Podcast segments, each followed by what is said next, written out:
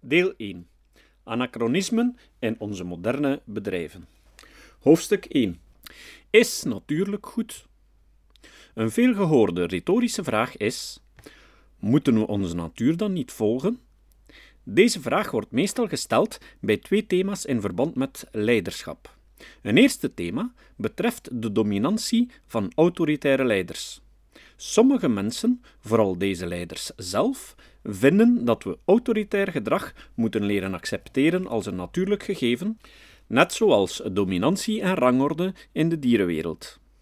We zijn immers toch ook in feite een dier. Een tweede thema betreft het feit dat er meer mannen dan vrouwen leidinggevende posities bekleden. Zie, meer vrouwen aan de top verplicht? De retorische vraag houdt de onuitgesproken stelling in dat wat natuurlijk is, goed is. Degenen die deze uitspraken doen, gaan gemakshalve voorbij aan enkele andere feiten uit de natuur. Ten eerste kunnen we ons afvragen of van nature of natuurlijk synoniem zijn voor goed. Dit is natuurlijk niet het geval. Een eerste argument tegen deze gelijkstelling van begrippen is dat de natuur zeer meedogenloos is. Denken we maar aan de roofdieren die andere dieren verscheuren, of de soorten waarbinnen moord onder soortgenoten voorkomen. Mannetjesleeuwen staan erom bekend dat wanneer ze een troep overnemen, ze de welpen van de vorige mannetjesleeuw doden. Dit biedt het voordeel dat de wijfjes sneller loops worden en hij met kan paren om het nageslacht te verzekeren. Voor de troep is het vaak een grote bedreiging als een generatie welpen verdwijnt. Of kijken we vanuit evolutionair standpunt dichter bij ons naar de chimpanseewijfjes die het hoogste in rang zijn en die, zeker bij voedselschaarste, de baby's van lager geplaatste chimpanseewijfjes doden of trachten te doden.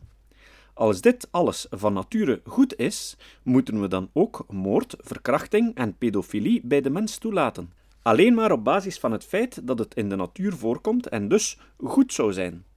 Geen zinnig mens die dit zal beweren. Het is namelijk tegen onze moraal. Het begrip van goed of slecht is een uitvinding van de mens en is het gevolg van onze moraal. De natuur heeft geen oordeel van goed of slecht, enkel over eigenschappen die al of niet overleven. Selectiedruk. Een tweede argument tegen goed als synoniem voor van nature is dat er in de natuur stoffen zijn die duidelijk schadelijk zijn voor de mens en andere dieren. Denken we maar aan slangengif, maar ook aan de vele planten die giftige stoffen bevatten. Bij het nuttigen ervan zouden we erg ziek worden, soms zelfs sterven. Van nature goed dus? Belangen niet. Toch wordt in tal van reclame misbruik gemaakt van het woord natuurlijk. En dat is vaak niet zonder gevaar, zoals blijkt uit tal van problemen met afslankingsmiddelen, afrodisiaca, geestesverruimende middelen en andere troep. De commercie tracht deze producten, hoe schadelijk ze soms ook zijn, bijna altijd te slijten door te verwijzen naar het feit dat het om een natuurlijk middeltje gaat. Dergelijke misleiding zouden we op basis van onze moraal moeten veroordelen. Ten derde kunnen we ons ook nog afvragen wat natuurlijk voor de mens betekent. De mens is een moreel dier. De evolutie heeft ervoor gezorgd dat er zich in ons brein structuren hebben ontwikkeld die samenleven en samenwerken bevorderen. Dit verhoogde onze kans op overleven drastisch, en dus werd deze variatie door de selectiedruk niet weggeselecteerd. Deze breinstructuren stellen ons in staat een moreel oordeel te vellen over diverse zaken, gaande van de manier van samenleven tot hoe we omgaan met andere dieren in de natuur om ons heen. Dankzij niet-invasieve breintechnieken, zoals het maken van een breinscan met de fMRI-scanner, functionele magnetische resonantie-imaging, kunnen wetenschappers nagaan welke delen van ons brein betrokken zijn bij het vellen van een moreel oordeel. Dit blijkt een heel complex proces te zijn, waarbij hele netwerken worden ingeschakeld. Onder andere de frontopolaire cortex, FPC, de mediale frontale gyrus, de rechter anterieure temporele cortex, de lenticulaire nucleus en cerebellum of kleine hersenen. De FPC en de mediale frontale gyrus vertonen de grootste activiteit bij morele oordelen. maar ook ons zogenaamde emotionele brein, het limbische systeem, dat basisemoties zoals boosheid en angst produceert, doet volop mee. Neurologisch onderzoek lijkt zelfs aan te geven dat emoties een grotere rol spelen dan de abstracte ratio en ook sneller zijn. Onze spiegelneuronen in de frontale lobben, die daarbij een belangrijke rol schijnen te spelen, helpen ons bijzonder snel morele oordelen te vormen. Bijvoorbeeld, als we zien dat iemand zich pijn doet. We zijn dan van nature geneigd deze persoon te gaan helpen, behalve als er veel andere omstanders zijn. Moraliteit maakt dus een belangrijk deel uit van onze natuur en van onze algemene beschaving. Ze neemt hierin nog steeds een belangrijkere plaats in dan de ontwikkeling van de technologie. De evolutie van ons brein stelde ons in staat om morele regels te ontwikkelen, eerst door mondelinge overlevering, later door ze in de vorm van geschreven wetten te gieten. Vele tienduizenden jaren geleden waren mensen als sociale wezens met een geordende samenleving die morele waarden hadden, die samen een cultuur bepalen. Het waren aanpassingen die ervoor zorgden dat samenlevingen zo goed mogelijk draaiden. Agressie, gedrag, als gevolg van boosheid, basisemotie, bijvoorbeeld was een oplossing om toch ons doel te bereiken als zich fysieke of sociale belemmeringen voordeden. Boosheid leverde dan de fysieke energie om de belemmeringen uit de weg te ruimen. Deze emotie evolueerde later ook naar meer complexe uitingen. Bijvoorbeeld boosheid als gevolg van een aanval op een heilig symbool of als gevolg van een groot onrecht, zoals de ontvoering van een kind, de verkrachting van een geliefde enzovoort. We zouden dus kunnen stellen dat we zeker ten aanzien van onze eigen groep, de ingroep, een van nature aangeboren empathie en moraliteit vertonen. We gaan daarin altijd maar verder, soms ook ten aanzien van leden van de oudgroep. Denken we maar aan de internationale solidariteit na de tsunami van december 2004. En wat dan met de vele oorlogen en geweld? Ook de menselijke neiging om te vechten en oorlog te voeren hoort tot onze natuur. Empathie en moraliteit zijn echter evenzeer onderdeel van onze natuur. De afgelopen eeuwen is er duidelijk minder geweld dan in de middeleeuwen. Zowel minder oorlogen als minder individueel geweld. Hoe zouden we anders met zoveel op deze aardbol rondlopen, denk je? We mogen ons niet laten verblinden door de erg grote conflicten zoals de twee wereldoorlogen en de voortdurende berichtgeving die ons de subjectieve indruk geven dat er meer geweld is. Studies op basis van lijkschouwinglijsten bevestigen de daling van het aantal moorden sinds de middeleeuwen, volgens Van Dijk 2006. Ook Jan Verplaatse, dokter in de wijsbegeerte aan de Universiteit Gent en initiatiefnemer van het centrum The Moral Brain, verzamelde hierover onderzoek. Hij stelde net als Van Dijk vast dat er een verhoogde aandacht is voor criminaliteit. Volgens Van Dijk leidt deze verhoogde aandacht tot correctiemechanismen, waardoor geweld dan ook voortdurend afneemt. Volgens Verplaatsen is in Vlaanderen tussen 2000 en 2006 het percentage krantenartikels over criminaliteit met 65% gestegen en het percentage nieuwsberichten over misdaad met 49%. Volgens hem tonen internationale studies dat er geen bewijzen zijn voor een stijging van de jeugddelinquentie, maar wel voor een stijging van de aandacht en de angst voor jeugdig misdadig gedrag. Er is ook minder tolerantie voor kleine jeugdzonden en kattenkwaad, volgens Verplaatsen 2006 en 2008. Ook de onlangs gepensioneerde professor Lode Walgraven, die de European Criminology Award kreeg, stelt dat het nog nooit zo veilig is geweest. Dit hebben we wellicht te danken aan onze collectieve moraliteit. We evolueren met andere woorden naar nog meer samenwerking en minder agressie. Ook de jongste tendensen bevestigen dit. Ook economen zoals Gary Charnes, Matthew Rabin in 2005, Robert Frank 2004 en vele anderen zijn er ondertussen achter dat mensen moraliteit hebben en dat ze zeker niet op een rationele manier alleen zelfbelang nastreven. Emoties, moraliteit, verbondenheidsgevoelens, ze spelen allemaal een rol in de economie. Het is dan ook niet onlogisch dat onze moraliteit zich is gaan bemoeien met zaken zoals gelijke rechten voor mannen en vrouwen en het afremmen van egoïsme en autoritair gedrag. Welke beschaafde mens kan immers nog de mannelijke dominante positie verdedigen op basis van fysiek overwicht?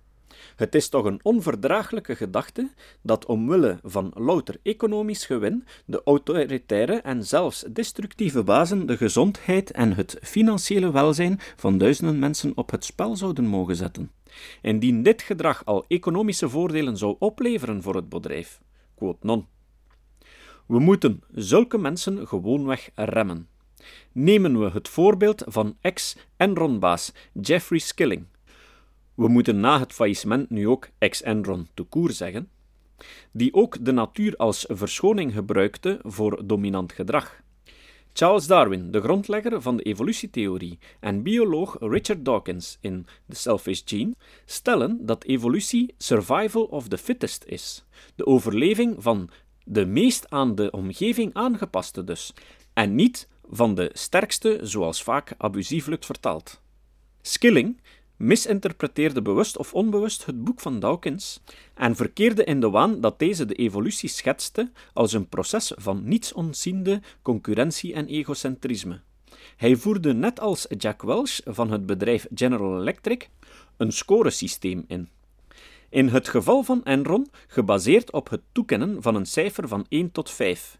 De cijfers werden eenzijdig door de leidinggevende gegeven op basis van onderlinge vergelijking. En wie een 5 kreeg, werd ontslagen, ongeacht de objectieve absolute prestaties. Om de zes maanden verloren zo 10 tot 20 procent van de werknemers hun baan. Rank en yank. Ook het bonussysteem was gebaseerd op dit systeem. Tijdens het onderzoek naar de frauduleuze teleurgang van Enron raakte bekend dat mensen uit angst, natuurlijk, systematisch resultaten vervalsten en de acties van andere personeelsleden en afdelingen dwarsboomden. Hierdoor ontstond niet alleen ongezonde concurrentie en paranoia, maar ook corruptie. Zo werd de energieprijs bewust gemanipuleerd door het productieaanbod van stroom in bepaalde regio's opzettelijk te verminderen. In 2000 leidde dit tot enorme stroomonderbrekingen in Californië, prompt gevolgd door een forse stijging van het aandeel van Enron, waarop het management zichzelf riante bonussen uitkeerde. Gelukkig voor de wereld, maar helaas voor de personeelsleden, kwam een en ander uit. De corruptie en andere onfrisse praktijken leidden tot het faillissement van Enron Corporation.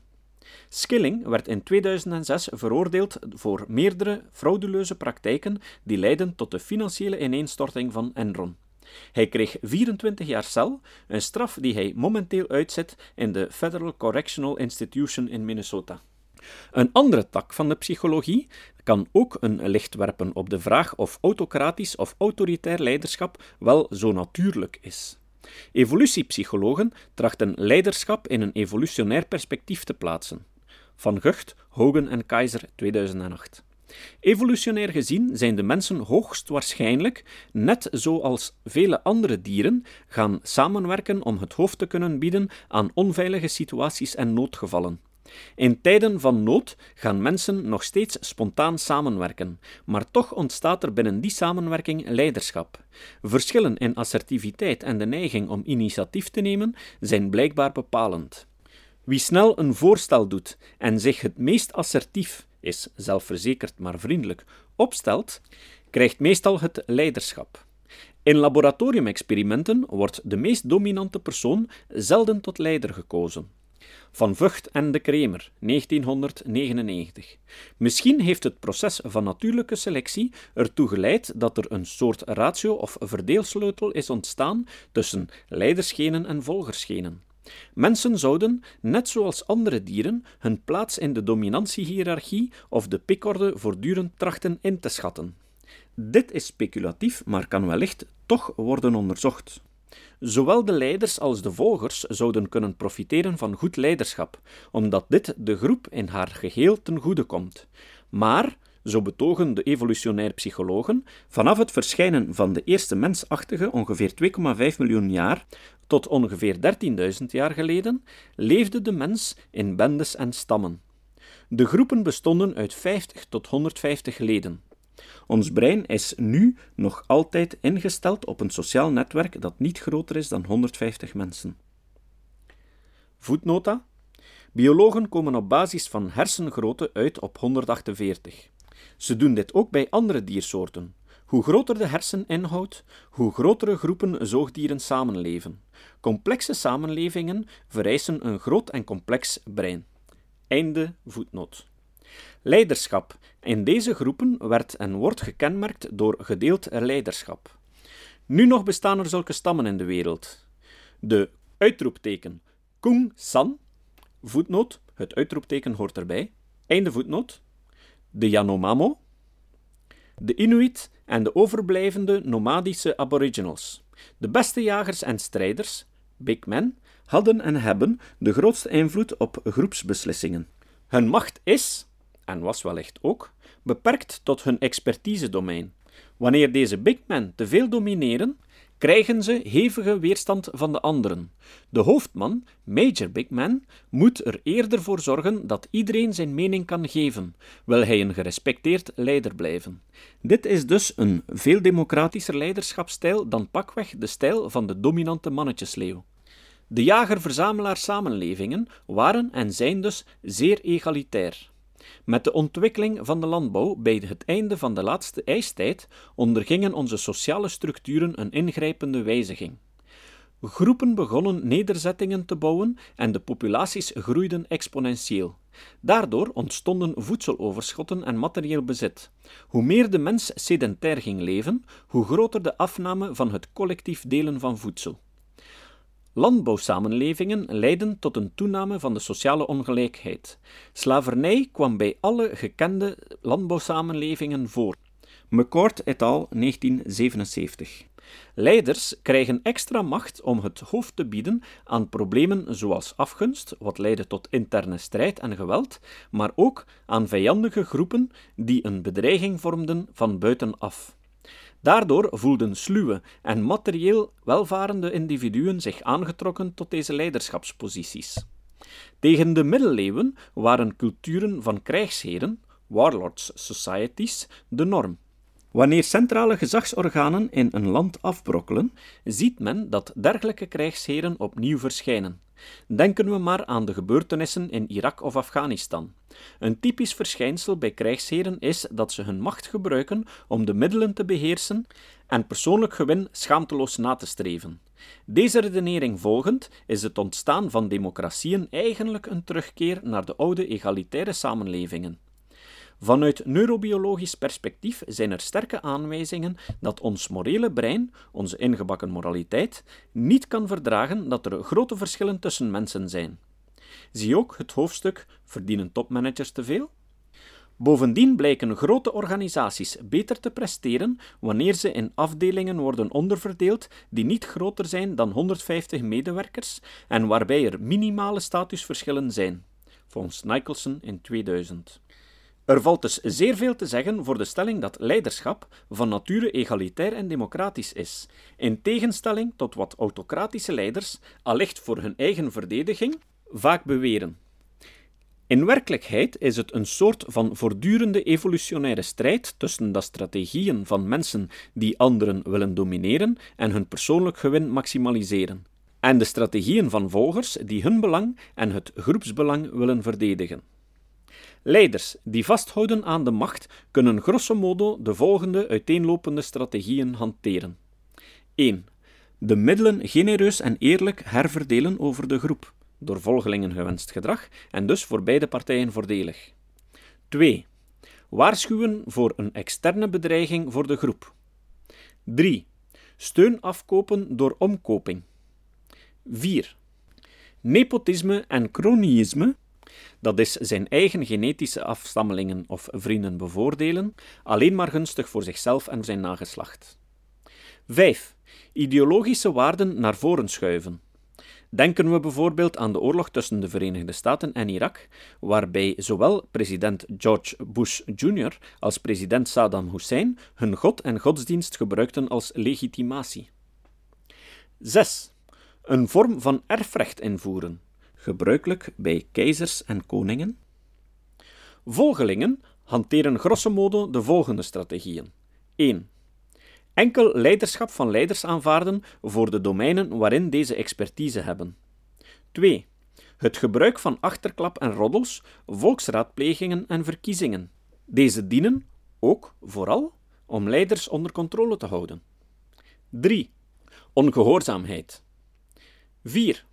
Afzetten van leiders, wat in triviale stammen vaak leidt tot de dood omdat vijandige stammen worden aangemoedigd tot het doden van de verworpen leider. 5. Despotische leiders verlaten. 6. De leider afzetten en doden. Ik verwijs ook naar de vele voordelen van transformationeel en van participatief leiderschap elders in dit boek. Conclusie. Beslissen wat goed is, kunnen we het best doen met ons morele brein en ons redeneervermogen. En zoals uit de argumentatie mag blijken, denken autoritaire mensen, vooral mannen, beter tweemaal na vooraleer ze naar de natuur verwijzen als legitimatie voor hun egoïstisch en dominant gedrag.